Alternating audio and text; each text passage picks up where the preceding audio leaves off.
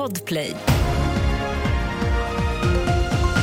Vi börjar med att berätta att de första svenskarna har fått lämna krigsdrabbade Gaza via gränsövergången till Egypten. Det här bekräftas nu av utrikesdepartementet. Igår kom UD med beskedet att 80 personer med antingen svenskt medborgarskap eller uppehållstillstånd har fått tillstånd att lämna Gaza idag. Det är en smällkall inledning på veckan längst i norr. Tidigt i morse så nåddes säsongens lägsta temperatur i området runt Tornedalen med minus 27,8.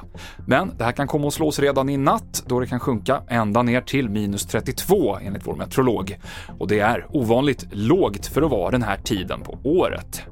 Och den organiserade brottsligheten tjänar mer pengar på att fuska till sig bidrag än vad man gör på narkotikahandel. Nu ska en ny myndighet och nya lagar få stopp på det.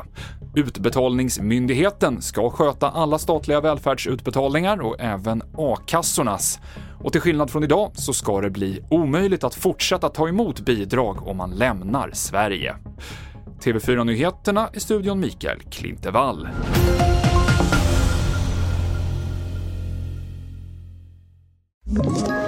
Ett poddtips från Podplay. I fallen jag aldrig glömmer djupdyker Hasse Aro i arbetet bakom några av Sveriges mest uppseendeväckande brottsutredningar. Går vi in med hemlig telefonavlyssning och, och då upplever vi att vi får en total förändring av hans beteende. Vad är det som händer nu? Vem är det som läcker? Och så säger han att jag är kriminell, jag har varit kriminell i hela mitt liv men att mörda ett barn, där går min gräns.